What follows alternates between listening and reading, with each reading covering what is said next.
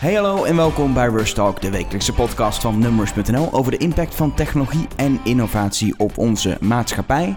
Uh, mijn naam is Elg van der Wel, ik ben weer terug. En ook terug in Rush Talk, maar ondertussen gewoon wel hier geweest bij, uh, bij Numbers op de redactie. Stan Hulsen. Hey. We nemen het even over van Johanna Marjolein, die twee weken hier uh, natuurlijk lekker over Foursquare hebben kunnen lullen en over Twitter gaan wij weer gewoon uh, hebben over spannende dingen. Over zaken die er echt te doen. Nee, het is wel leuk. Ik, ik ben ik, eh, uitgebreid mijn vakanties uitgebreid uh, besproken door Johan en Marjolein afgelopen week. Maar het is één ding wat ik er even heel kort over wil zeggen. Ik ben in Hongkong geweest. En wat wij met onze smartphone doen in ons dagelijks leven, ik denk daar doen wij veel mee en we zijn eraan verknocht, is niks in vergelijking met Azië. Je hoort die verhalen wel over hoe ze in Azië met de smartphone omgaan, maar ik heb nu van dichtbij gezien hoe mensen altijd en overal, in restaurants, in de metro, lopend op straat op hun telefoon kijken. Hoe ze zelfs twee telefoons hebben om op de ene video te kijken en de andere nog te kunnen chatten. Het is, die mensen zijn één met hun telefoon. Het is bizar. Ja, teasertje voor volgende week. Ja, we moeten, moeten, is het iets om uitgebreider uh, absoluut, te bespreken? Absoluut, ja. Dan gaan we dat zeker doen. Voor nu uh, gaan we het over iets anders hebben. Want uh, afgelopen ja, eigenlijk weekend. weekend. lang weekend, waren de, de VR Days Europe. Um, vorig jaar opgestart als de Dutch VR Days, maar meteen in één jaar uitgegroeid tot een Europees, Europees project. Je moet het ambitieus aanpakken en uh, dat hebben ze gedaan ja. met die naamsverandering. Precies. Vier dagen lang virtual reality hier in uh, Amsterdam, evenement. Ik ben er dus niet bij geweest, ik zat lekker aan de andere kant van de wereld, maar jij bent, uh, jij bent daar naartoe geweest. Ja, en daarmee zat ik ook eigenlijk in een andere wereld.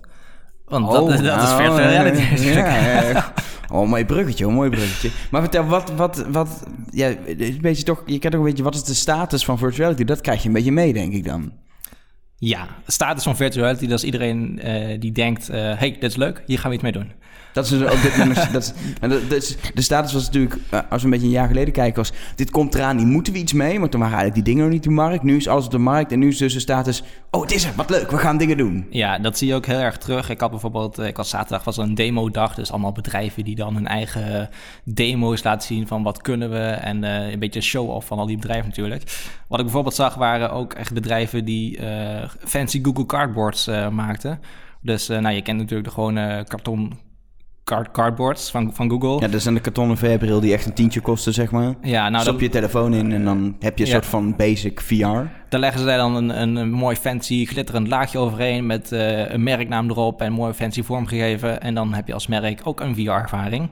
Uh, maar de content maken ze dan wel niet zelf. Tenminste, dat bedrijf zei dat eigenlijk een soort relatiegeschenk of iets wat je in een campagne kan gebruiken. Is gewoon een bedrijf heeft gewoon business van die dingen bedrukken gemaakt. Zoals ze vroeger alle bedrijven USB-sticks maakten, maken ze nu, is nu een bedrijf dat het VR-brillen maakt. Eigenlijk ja, carports, fancy carports. Ik vroeg ook, bestaan jullie volgend jaar nog?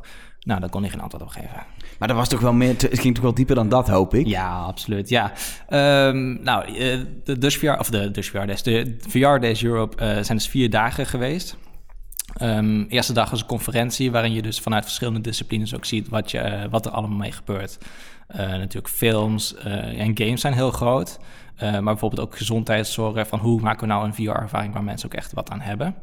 Dus echt toepassingen in, in, uh, in, in, moet ik dan denken aan psychologie, angstbestrijding. Daar ja, natuurlijk wel uh, dingen over lezen en horen. Therapieën of uh, inderdaad voor mensen die, die in Irak of Afghanistan zijn geweest en terugkomen, met name in Amerika. Mm -hmm. de veteranen daar die te maken met posttraumatische stressstoornissen. Ja.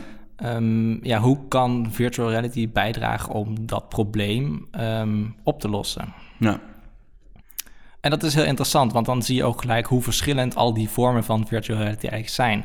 Wat werkt voor de ene, voor, de, voor bijvoorbeeld een film of een game, werkt bijvoorbeeld totaal niet voor, uh, voor virtual reality. De spreker die echt over die, de bestrijding van posttraumatische stressstoornis uh, had, die zegt van ja, het, is, het werkt waarschijnlijk in ons voordeel dat die VR-omgeving minder realistisch is dan een, een echte omgeving. Omdat de mensen die dan die therapie aangaan zich meer vertrouwd voelen. Omdat ze ja, in hun achterhoofd eigenlijk blijven weten dat het, dat het minder echt is.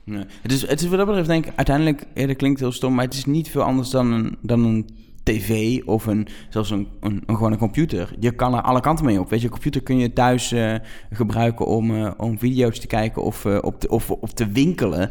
En op je werk zit je of spreadsheet te doen of zit je complete foto-video-edits te doen. Het is zo veelzijdig en het vraagt zoveel verschillende manieren van interacteren en applicaties en, en allerlei. Het is zo breed. Dat, dat vind ik ook lastig. Virtuality mensen denken meteen aan gewoon een leuk 360 graden filmpje of aan gaming. Maar het is, het is gewoon een medium. Een heel nieuw technologisch medium waar je alle kanten mee op kan en zoveel toepassingen heeft. En, ja, eh, en dat merk je ook heel erg op als je daar rondloopt. Want ja, al die mensen die zijn er op de een of andere manier toch altijd mee bezig. En eh, je voelt ook die excitement die die mensen hebben van... ja, we, dit is een nieuw medium, we kunnen er iets mee... maar we weten nog niet helemaal hoe, zeg maar. Het is een soort belofte nog. Ja, ja, eigenlijk, ja, misschien nog wel. Maar ja, het is toch ook een belofte die langzaam toch wel zijn, zijn potentie laat zien. Nou, we zien steeds meer toepassingen. Heb jij natuurlijk daar ook gezien van hoe die belofte dan wordt ingewilligd met zo'n, met zo'n therapie, wat je zegt, mensen die terugkomen uit de oorlog. Of, uh, of bijvoorbeeld uh, om angst te bestrijden. Vliegangst wordt geloof ik ook met virtuality al gewoon. Is ook bewezen dat het werkt, wetenschappelijk al.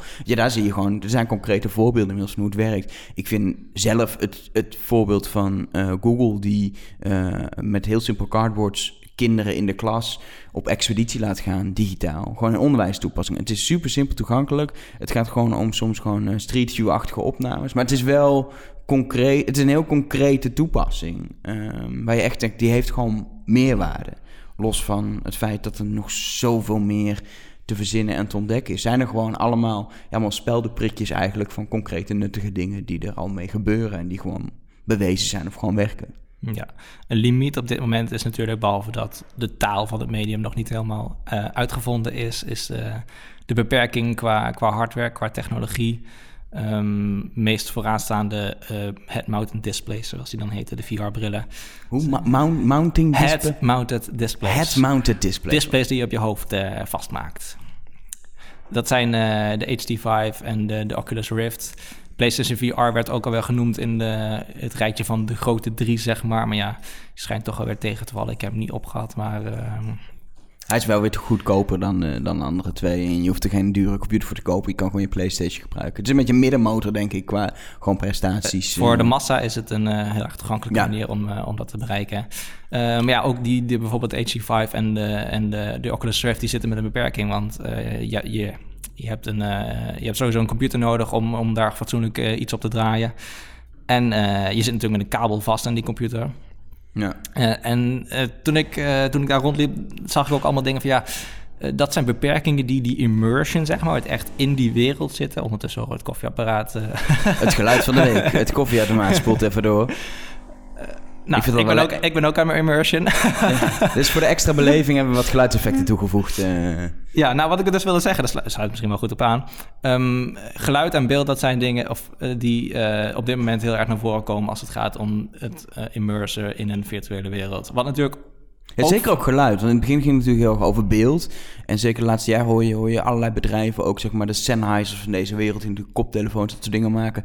Zijn er, iedereen is bezig nu met hoe kunnen we de, het geluid erbij aan laten sluiten. Want dat is essentieel voor een goede beleving. Dus dat je echt het gevoel hebt dat het niet uh, 5.1 geluid is, er komt iets van achteren. Maar je moet echt de hoek waar het vandaan komt, moet exact kloppen met, met het beeld en moet mee veranderen met hoe jij draait. Als dat niet goed is, werkt jouw beleving niet. Dan, als dat niet correspondeert met elkaar of gewoon niet lekker klinkt, is gewoon je hele beleving weg. Dan ben je uit die wereld waar je, waar je in terecht komt. Ja, dus uh, zodra je 3D-geluid hebt, uh, zit je dus ook veel meer in die wereld. Net zoals als je bijvoorbeeld stereoscopisch beeld hebt. Dus dat je voor elk oog een apart, uh, apart beeld krijgt. Dat, dat geeft diepte en dat maakt het veel realistischer of veel overtuigender in ieder geval. Dat is het idee. Ja. Dat je in die virtuele wereld zit. Um, ja, ehm, probleem is natuurlijk dat je altijd nog zo'n zware headset op je hoofd hebt. Um, en dat je vastzit aan een, aan een kabel. De HD5 die heeft natuurlijk wel ook uh, room met de twee uh, sensoren, waardoor je dus een bepaalde ja, hoeveel zal zijn, een paar vierkante meter uh, heen en weer kunt bewegen. Ik, ik, maar ja, ik, ik denk dat als je op YouTube even zoekt naar uh, HD5 en uh, Roomscale, dat je dan het gros van de filmpjes mensen die struikelen zijn vindt. Ik, ik, heb wel, ik heb wel, ik merkte dat wel echt toen ik de HTC 5 voor het eerst probeerde. En ik heb natuurlijk Oculus Rift geprobeerd. Het feit dat je kan lopen, dat je om iets heen kan lopen, dat je kan bewegen, is zo ongelooflijk essentieel voor die, voor die beleving. Het feit dat het niet zo statisch is dat je alleen maar je hoofd kan draaien, maar dat je echt een beweging maakt in die virtuele wereld. Ook al loop je altijd tegen een soort virtuele muren op. Maar uh, het feit dat het kan, is echt, is, is echt key voor die beleving. Uh, is heel belangrijk. Dus dat heeft de HTC heel goed gedaan. Oculus is natuurlijk ook mee bezig met dezelfde soort technologieën. En eigenlijk iedereen nu, dat lopen is gewoon zo belangrijk dat het kan. Ja, dat maakt het een stuk krachtiger, maar je, je wilde natuurlijk niet in een, eh, over die kabel struiken. Maar ehm, we hebben er bij nummers ook al een aantal keer over geschreven over bedrijven die een computer dan eh, in een rugzak stoppen. Ja, ik vind het zo bi- bizar belachelijk. Ik vind het geniaal. voor Nee, nu. Voor, voor nu. Oké, is- maar let op, se- serieus. Ehm, ik zag een, een spel, eh, dat heet volgens mij eh, iets met pirates. eh, een soort van Star Wars-achtig, maar dan heet iets met pirates. Space Pirates iets. Space Pirates. Was dat het? Ja, dat Ik kan weet wel. het niet. Volgens dat mij is wel. wat in mij opkomt. In die- volgens mij zoiets, inderdaad. Ehm, nou, het idee is dus dat je op een soort plateau staat... en dat er vanuit alle kanten komen er, komen er beestjes op je af die je kapot willen maken. Ehm, hoe moeilijker dat spel wordt, des te meer jij moet bewegen... om die beesten te ontwijken en eh, op hen moet schieten. Ehm, tijdens de demonstratie kon je dus een, eh, een rugzak opdoen. Eigenlijk een soort van laptop in een rugzak, een soort van computer in een rugzak... Eh, waardoor je dus eh, geen kabel hebt in die, in die roomscale ruimte. Dus dat betekent dat jij compleet vrij kan bewegen. Precies, die kabel gaat eigenlijk gewoon van achter je, achter je oren langs, gaat hij naar je rug en kun je gewoon, dan zit hij gewoon vast en kun je gewoon rondlopen, bewegen, 180 rondjes draaien. Precies, of meer. Meer nog. maar is het, jij, jij hebt hem opgehad? Ik heb die rugzak even opgehaald. Ik heb niet het spel geprobeerd. Ik heb wel gekeken hoe andere mensen het spel aan het, aan het spelen waren. En eh, nou, er zaten een paar fanatieke mensen tussen die het ook echt volgens mij vaker hadden gedaan. En eh, het, het geeft heel veel vrijheid als je weet dat je niet... eh, want ik heb ook voldoende situaties gezien... waar inderdaad mensen met controllers al tegen de muur aan het mappen waren. dus eh, het Maar is het, niet, is het niet zwaar dat je die hele... Het is be- best wel een fli- flinke computer. Het is geen, geen goedkoop dun laptopje. Het is echt een flinke rekenkrachtcomputer. Is het niet ongelooflijk irritant dat je het in een fucking rugzak hebt zitten? Nee, want het ding was nou nog geen ja, 4 kilo, denk ik. Was, was, was, was heel erg licht. Dus eh, je de bedoeling is natuurlijk dat je zo snel mogelijk vergeet dat, dat je zo'n ding om hebt. Ja, precies. Ja, er zitten dan ook twee batterijen in waarin je dat ding... eh, want het ding moet... De computer zelf moet natuurlijk eh, moet stroom hebben.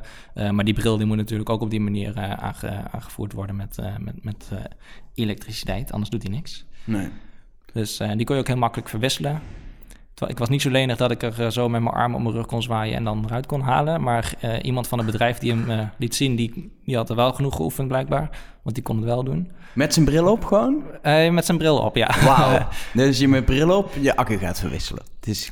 Dat maar is, is, is, is, is, zo'n rugzak dan, is dat wat virtual reality nodig heeft op dit moment om, om, om die beleving te verbeteren? Want dan is het toch... Ik weet Nou ja, ik weet niet of het in de vorm van een rugzak moet zijn, want je hebt natuurlijk ook de inside-out tracking, waarin je je bril dus al eh, bijvoorbeeld eh, de ruimte om zich heen kan waarnemen, in plaats van bijvoorbeeld sensoren die je met de HTC5 moet opstellen. Eh, maar in ieder geval het feit dat je vrij rond kan bewegen in plaats van die beperking aan een kabel, dat, dat doet wel heel veel. Wat ook natuurlijk veel, veel werkt zijn andere sensoren, of noem je dat ding in het, bij mensen? Zintuigen. Zintuigen.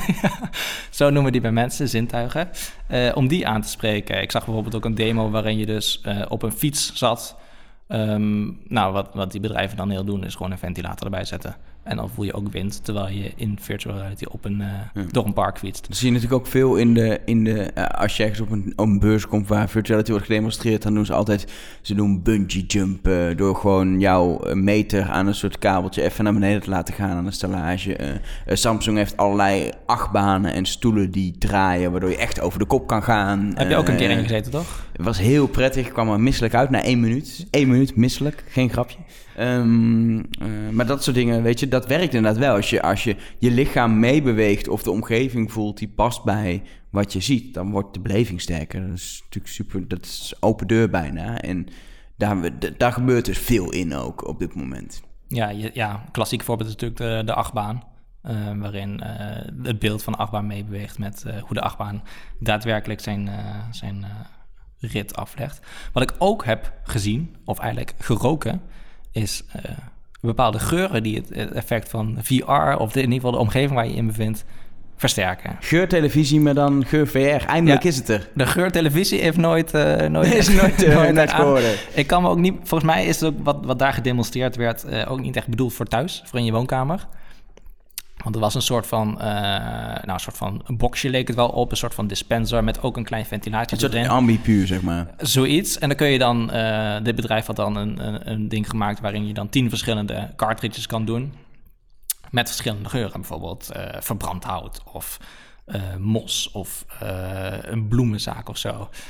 En dan krijg je een VR-bril op je hoofd en krijg je een video te zien waarin je dus al die locaties afgaat. En dan ook uh, elke keer hoor je dan tsch, en dan, uh, dan ruik je het volgende. Ja, het, het, punt is natuurlijk, je kan, niet, je kan geur niet letterlijk versturen. Je hebt inderdaad kaarten, je hebt al die geuren lokaal in een apparaat nodig. En dan kan inderdaad een applicatie kan gewoon aansturen: hey, uh, laat nu die geur ruiken en die geur. Maar je moet die geuren wel hebben. Je hebt de parfums, zeg maar, allemaal nodig. Dus het maakt het weer niet heel flexibel. Wel cool. Het is cool. En het verdienmodel van, van dat bedrijf is natuurlijk ook om zoveel mogelijk van die cartridges op een gegeven moment te gaan verkopen. Want als je eenmaal zo'n ding hebt gekocht... Ik, ik zie een nieuwe business voor HP of, uh, of dat soort bedrijven... die eerst printer ink maakt... die kunnen nu geurcartridges, uh, geurcartridges voor virtual reality uh, gaan produceren... die heel duur zijn. Maar ja, voor, ze waren ongeveer 10, 10 euro per, per cartridge... en dan kon je dan 75 keer mee een, een dosis... Ja, maar ja, je wil, het gaat juist om niet omdat je één zo'n cartridge hebt... dat je een heleboel verschillende geuren hebt... zodat jij door een wereld kan lopen... en die hele wereld continu kan ruiken. Ja, precies. En dan, nou, hey, een oude sok. Ja. De klanten waren dan ook voornamelijk ook musea en uh, een beetje de openbare bedrijven bijvoorbeeld... die op die manier echt een unieke ervaring uh, willen bieden. ik, was, ik was op vakantie, heel kort uh, tussendoor, vakantieanekdote... in het Ritz-Carlton, omdat die de hoogste bar van, van Hongkong hadden. Um, en daar is ook, als je daar binnenkomt, dan ruikt het naar het Ritz-Carlton. Die hebben volgens mij gewoon een eigen parfumgeur... die ze in het hotel verspreiden. Als je dus in een virtuele Ritz-Carlton naar binnen zou gaan, kan voorstellen... dan heb je die ene geur nodig. En dan voel voel je je alsof je in een, dat hotel bent. En de, ja, dat zou je natuurlijk met elke ruimte kunnen doen, uh, die een hele unieke geur heeft. Een bakkerij. ja, ik denk dat geur onderschat wordt. Uh, nee, maar dat zeker, zeker ook. Zeker. Uh, bijdraagt aan een beleving die... Sowieso in, in, in Hongkong was al die winkelcentrums hebben er ook geur, omdat het allemaal schijnt bij te dragen dat je meer gaat kopen en zo. Dat, in sommige... Uh, is het niet zo omdat het buiten uh, zo stinkt van de uitlaatgassen? Nee, nee, en, uh, ook, ook. Maar nee, maar dit is echt... In, in, volgens mij heb je in Amerika ook meer dat winkelcentrums geuren hebben. Dat is bij ons volgens mij minder. Of we letten er gewoon niet op. Of je let er niet op. Dat is natuurlijk ook een beetje de truc. Dat het, het is... jij wist dat het apparaat stond, et cetera. Maar als jij gewoon ergens zou zijn waar je even VR op krijgt... en je hebt het niet door, dan heb je misschien helemaal niet heel bewust door van hé, hey, het ruikt nu naar verbrand hout. Je zit gewoon in die beleving en het voelt gewoon echter. En dan als je heel waarschijnlijk, hé, hey, ik ruik het ook. Maar in eerste instantie wil dat denk ik niet eens door, omdat, je, omdat het gewoon onbewust je beleving versterkt. En dat is denk ik juist de kracht van geur. Ja, onbewust. Uh, moet je, je moet natuurlijk niet, niet bewust, uh, zowel in de echte wereld als in uh, de virtuele wereld zijn. Het is juist de bedoeling dat je de echte wereld eigenlijk zo, zo snel mogelijk vergeet. Ja, precies. Wat ook leuk is, um, zijn natuurlijk bepaalde sensoren waarin jij makkelijk door VR kan bewegen. Want je hebt natuurlijk een, op dit moment een, een head-mounted display en vaak ook controllers bij de HD5 en bij de Oculus. Uh, maar ja, is dat genoeg? Is dat, wil je toch niet iets meer vrijheid in je lichaam? En ik zag er een bedrijfje staan. Je wil eigenlijk gewoon dat je, dat je lichaamsbewegingen één op één in die virtuele virtuele wereld worden gekopieerd. Dat als jij iets pakt met je hand, dat je gewoon letterlijk precies iets goed kan pakken. Dat is natuurlijk perfect. Maar zeker ook als je andere mensen wilt zien. Je wilt niet alleen maar een, een, een hoofd zien en uh, twee handen die dan uh, door de controles uh, door de lucht zweven, zeg maar. Nee, precies. En zeker ook voor bedrijven die bijvoorbeeld games maken of, of je wil die avatars, wil je 3D uh, daar makkelijk in kunnen plaatsen. En dat was ook uh, meer de markt waar dit bedrijf zich op richtte. Zij hebben dus een, een handschoen gemaakt met, uh, met verschillende sensoren. Um, en als je die dan aantrekt, um, kun je makkelijk een 3D-model met verschillende handbewegingen zo maken. Dus het enige wat je hoeft te doen is dan zo, is die, met die software dat 3D-model maken. En vervolgens kun jij een acteur of een persoon of jijzelf kan gewoon met, je, met die handschoen aan die bewegingen maken.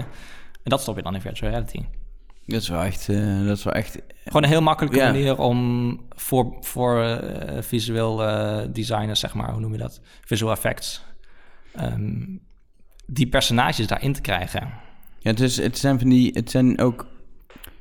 Je denkt er niet over na. Weet je, als je gewoon denkt virtuality, dan denk je, oh, we kunnen er allemaal mee. En dat, inderdaad, controllers moeten misschien beter en het beloop moet beter. Maar het zijn dit soort details voor de makers van de, van de content die super belangrijk zijn. Dat het gewoon zo makkelijk is om het, om het realistisch te maken. Dat is eigenlijk essentieel, maar dat is veel... Daar denk je veel minder snel bij na. Je denkt meteen aan, aan de, de hardware techniek, zeg maar. Die moet beter. Maar het zit ook heel erg in hoe kun, hoe kun je die productie van die content, uh, die beleving van die applicatie, hoe kun je dat softwarematig eigenlijk dus verbeteren? Nou, dat bedrijf heeft dus ook uh, een, een bodysuit gemaakt. Daar hebben ze tijdens een, een, een, hackathon ook een game mee ontwikkeld. Ik zag dus mensen die uh, met een HT5 draken aan het bevechten waren. En op een gegeven moment was die, de medewerker van het bedrijf, die had dus dat bodysuit aan. En op een gegeven moment komt er een soort van eindbaas. En dat dat is dus die medewerker die daar als superdraak, zeg maar, tegen die andere speler dus gaat Precies, dan, dus tot, eerst waren het virtuele vijanden... Maar uiteindelijk werd het een, werd het een, uh, een, een, game waarin ze met z'n tweeën tegen elkaar aan het spelen waren eigenlijk. Ja, en die gast die werd ook helemaal moe, want hij was aan het stampen en hij was aan het slaan met zijn handen. En uh, nou ja, zo'n demo, dan moet natuurlijk... Uh... Maar er was wel fysieke afstand tussen de twee, toch? Alleen, ja, alleen in een metertje. precies, maar in de virtuele wereld raakten ze elkaar, maar in het echt niet, zeg maar. Nee, precies. Het is niet zo dat je elkaar echt voor moet slaan. Maar dat, dat is ook, ik, ik bedenk me opeens, weet je, als kind speelde ik op de Super Nintendo Street Fighter als je dat gewoon inderdaad in virtual reality kan doen en dan tegen iemand aan de andere kant van de wereld ook in virtual reality, het is wel kicken. Zonder dat je echt, zeg maar, blauwe plekken oploopt. Perfect. Weet je, vechtspelletje echt vechten, maar dan toch niet echt. Ja. Nou, Alleen voor... de beleving moet je dan wel weer pijn voelen, denk ik. Als je geraakt wordt. Dat is weer lastig. Ja, nou, dat kan in principe. Ja, alles, of dan, weet je, of het dan fijn is, dat is een tweede.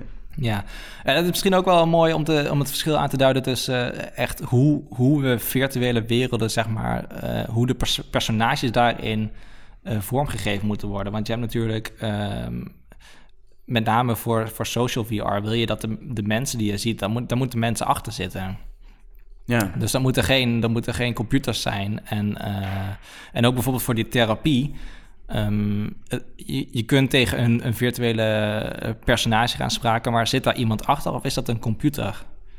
En wat werkt dan en wat werkt dan niet? Dus ook op dat gebied zijn, zijn ze aan het uitvinden wat. wat en er is, geen, er is niet één, één heilige oplossing. Het verschilt per applicatie wat nuttig is. Ja, en voor die therapie is het bijvoorbeeld, het is belangrijk dat, dat iemand die uh, posttraumatische stressstoornis heeft, uh, daar op elk moment met iemand over kan praten. En dat hij dat in een vertrouwelijke omgeving moet, waarin die bijvoorbeeld niet, niet veroordeeld wordt door die persoon. Dus dan zou je misschien eerder kiezen voor een, uh, voor, voor een robot die daarachter zit, in plaats van, van een mens die dan door virtual reality met iemand gaat praten.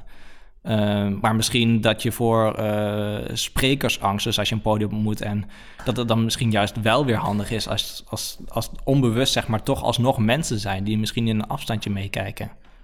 ik weet niet wat daar in principe waar het naar uitgaat. Het kan ook zijn dat het voor die training bijvoorbeeld ook juist, als het heel overtuigend is, dat het juist robots zijn die in het publiek zitten en daar goed op reageren. Het vraagt gewoon heel veel, heel veel onderzoek eigenlijk. Heel veel testen, heel veel wetenschappelijk onderzoek. Ja, om te kijken name, wat met, werkt. Ja, met name voor gezondheidszorg is natuurlijk uh, belangrijk. Want voor games, uh, kijk, als het er cool uitziet en het werkt en het is leuk, dan uh, ben je in principe... En bij games ga je gewoon... doen natuurlijk geen wetenschappelijk onderzoek, maar ga games worden ook gewoon getest. En dan kijk je ook wat... Je maakt twee scenario's en wat, waar, waar reageren mensen heftiger op? Wat vinden ze toffer? Wat zorgt voor een hoger verslavingsgerakte, zeg maar? Waardoor vind je het gewoon... Waarom wil je het spelen? Dat wordt natuurlijk ook getest, alleen inderdaad minder volgens wetenschappelijke standaarden die in de, die in de gezondheidszorg essentieel zijn. En ik heb het idee dat de wetenschap daar op zich ook wel ethisch uh, kijkt naar de ontwikkeling, naar hoe zij virtual reality ontwikkelen en toepassen. Maar is het genoeg wat op dit moment gebeurt? Het probleem van wetenschap is dat het wetenschap is altijd relatief. Aan de ene kant lopen ze soms heel erg theoretisch voor. Aan de andere kant ze hebben nu pas de middelen om dit te gaan doen. Wetenschappelijk uh, onderzoek, dat doe je natuurlijk niet in een, uh, in een half jaar. Als je kijkt naar een promotieonderzoek wat iemand doet, daar doe je vier jaar over. En er zijn dan wel korter onderzoeken ook. Maar dat is altijd een beetje het probleem. Dat het, weet je, het kost gewoon tijd. En, en we hebben nu pas net, weet je, ze hebben net de, de middelen technisch ter beschikking om onderzoek uit te gaan voeren. Eer dat we dan de conclusies hebben, dat, dat duurt gewoon even. Ja, onderzoek wordt natuurlijk al wel, wel heel lang uitge, uitgevoerd, ook op wetenschappelijk gebied en ook uh, bijvoorbeeld met gezondheidszorg. Maar juist omdat het nu juist heel makkelijk is om uh, verschillende werelden te bouwen, verschillende scenario's te bouwen, wordt, gaat dat gewoon ook in een versnelling. Maar uiteindelijk is het natuurlijk ook uh, kijken, kijken wat werkt voor hen en, en waar dit naartoe gaat. Ja. En dat. Nee, zo, nee, ga verder. en dat, dat is ja, wat, waar ik er nu zeg maar over uh, mee wil afronden. Waar, waar, waar gaat virtual reality uh, uiteindelijk naartoe? Is het überhaupt een, een medium wat, wat standing blijft, zeg maar? Of is het juist mixed reality wat veel, ja, wat veel groter geworden? Ik denk dat iedereen daar al wel van overtuigd is. Ook al is de potentie op dit moment nog niet heel zichtbaar. En dan bedoel je augmented reality, uh, uh, waarbij je de, de, de echte wereld dus inderdaad mixt met de virtuele wereld. En waar je dus gewoon door een bril of door een lens of wat het ook zou zijn, kan ook je telefoonscherm zelfs zijn met een camera. Maar dat je de wereld gewoon ziet en daar dingen in plaatst. Ja. Vorig jaar tijdens de Dutch VR Days uh, was de, een van de oprichters van uh, The Void in, uh, was een van de sprekers daar. En The Void, dat staat voor de Vision of Infinite Dimensions. En wat zij willen doen is een soort enter entertainment centrum bouwen voor virtual reality. Dus dat betekent... Wat is een, wat is een entertainment centrum dan? Wat, moet ik wat nu een bioscoop is, zeg maar, waar je een film gaat oh, kijken... gaan zij een, een centrum bouwen waar je dus in een fysieke... of een, ja, een fysieke gebouw ergens uh, virtuele wereld binnen kunt stappen. Um, dat betekent dat zij uh, dat gebouw zo hebben ontworpen dat, dat je online rond kan lopen, bijvoorbeeld. Of dat je, uh, en dat je afhankelijk van welke game je gaat spelen of welke ervaring je eigenlijk gaat beleven, in die wereld kunt stappen. En, en daar zijn dus oneindig mogelijkheden voor. Ja, daar zou, dan ook, daar zou je dan al die, al die dingen die je het aanstipt van eventueel geur erbij toepassen. Of dat je nog een extra motion tracking suit aan zou doen om extra je beweging te trekken. Of uh, wind, weet je. alles wat je erbij wil, zou willen halen om die beleving te versterken, kun je in zo'n gebouw ook toepassen. Wat je niet in je huiskamer uh, even allemaal koopt en neerzet. Precies, dus echt zoveel mogelijk uh, zintuigen aanspreken en een, een wereld bouwen waarin je, waarin je zo kan rondlopen en je helemaal in kan verliezen. Uh, ja, tot de alarmbel gaat en de 20 minuten op zijn en je weer in de rij mag gaan staan. Ja, precies. Nou, het is wel, ik, ik geloof er wel echt in dat. Uh, uh, weet je, als je al ziet wat je aan een, aan een HTC of Oculus Rift en computer kwijt bent, dat gaan veel mensen niet betalen. Zeker niet omdat het juist iets is wat je eens in zoveel tijd een keer wil doen. Je gaat niet elke dag uur virtuality lopen doen. ik geloof wel echt in een soort, soort bioscoopmodel. Um, maar in instantie zal het in Azië zijn, waar ze nog, ook nog steeds arcade gaming uh, vrij groot is. Uh, maar dat zal ook wel naar, naar, naar, naar, Europa komen. We hebben natuurlijk al hier gewoon kleine initiatieven met gewoon Samsung Gear VR, de, um, de virtuality bioscoop van, uh, hoe heet het bedrijf, Samhout. Ja. Dat is een heel klein, weet je, dat is super simpel. Maar die hebben al het idee van, hey, we organiseren het gewoon op locaties waar mensen heen komen. In plaats van dat, het allemaal, dat je allemaal zelf shit thuis nodig hebt. En ik geloof daar wel echt in. Dat, ja. uh, dat, dat zal natuurlijk ook bij elkaar naast elkaar bestaan. Tuurlijk. omdat sommige, sommige ervaringen, kijk, zo'n void, het idee dat je daar oneindig kan rondlopen, dat die ruimte precies zo ontworpen is, dat, ja, geniaal. Um, dat kun je niet thuis doen. En dat geldt waarschijnlijk ook in de toekomst ook voor bepaalde VR-films die niet in elke app te downloaden zijn, of VR-games die eerst uh, exclusief bij een, een game, gamecentrum beschikbaar komen voordat ze op Steam of uh, wat platform nee, maar ook, Ik denk uiteindelijk dat veel mensen thuis toch met een smartphone of zo een, een VR-bril zullen hebben. Samsung Gear VR, Cardboard, straks Google Daydream natuurlijk, wat nu uitkomt. dat ze zoiets thuis zullen hebben. Misschien als je wat meer gamer bent, PlayStation VR. Of zelfs als je echt pro bent, dat je van Oculus Rift HTC 5 gaat. En dat je inderdaad, dat, dat, en dat daarnaast dat je ergens heen kan. Dat het een soort hoeft, dit is niet inderdaad wat jij zelf zegt, dat je moet kiezen tussen die twee werelden. Dat kan gewoon naast elkaar bestaan. Uh, maar ik denk inderdaad voor een hele rijke ervaring, die kun je thuis gewoon niet bouwen. Als ik al hoor, HTC5 voor het rondlopen heb je een, een ruimte nodig van, weet ik veel, 2, 3, 4 meter uh, in vierkant. 3 bij 3, 4 bij 4. Dat, ik heb het niet in mijn huis. Um, en ik denk voor veel mensen, zeker in de grotere steden, die ruimte heb je niet. Um, dus dan moet je ergens heen. Ja, iemand die ik sprak tijdens de, de VR Days Europe, die, zei, die maakte een hele mooie vergelijking. Die zegt, uh, die zei, die geloofde er wel echt in dat over drie, vier jaar ieder huishouden een VR-bril heeft. Maar hij zei, het is net zoals je toaster. Iedereen heeft er een, maar je gebruikt hem niet elke dag. Nee, dat is het ook. En dat is natuurlijk uh, um, lastig aan zo'n techniek als virtual reality. Uh, het heeft allerlei hele nuttige toepassingen en entertainment toepassingen. Maar het is geen smartphone of tv die je gewoon zo, zo dagelijks gebruikt. Um, ik denk, misschien een hele stomme vergelijking, maar Nintendo Wii hebben destijds veel mensen gekocht die helemaal niet daar het gamer waren. En dat deed je wel eens. Had je vrienden op bezoek en dan ging je even leuk bowlen. Of je ging even Mario Party of Mario Kart doen. Uh, die ging eens in de zoveel tijd, zet je die een keer aan. Dan ging je ermee aan de slag. Uh, om in dat geval te gamen. Nou, bij Fidelity is het breder. Kan, kan natuurlijk allerlei soorten belevingen, entertainment doen. Maar ook, ook nuttige toepassingen.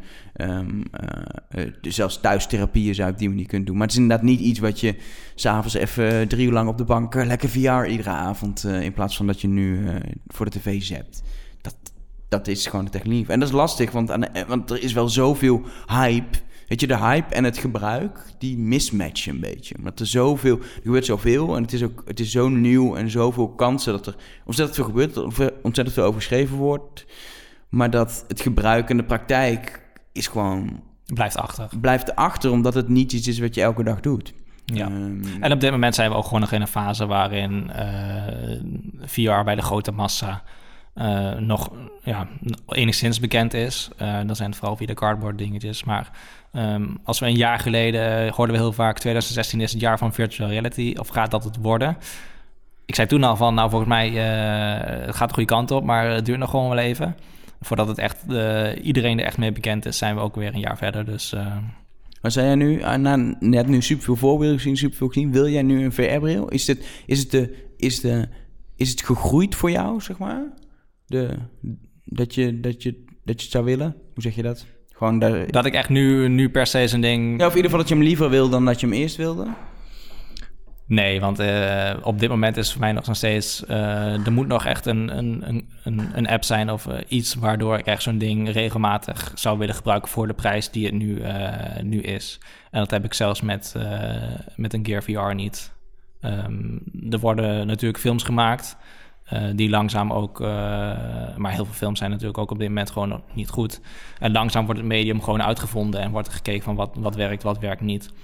Uh, en tot die tijd is het vooral heel veel experiment. Dus ik vind het leuk om naar die experimenten te kijken. Maar als, als consument zou ik, zou ik geen kopen. Nou, de komende tijd op nummers, jouw interviews, de dingen die je hebt gezien, komen allemaal online de komende, komende tijd. Dus dan kun, kun je uitgebreid erover lezen, dat is belangrijk.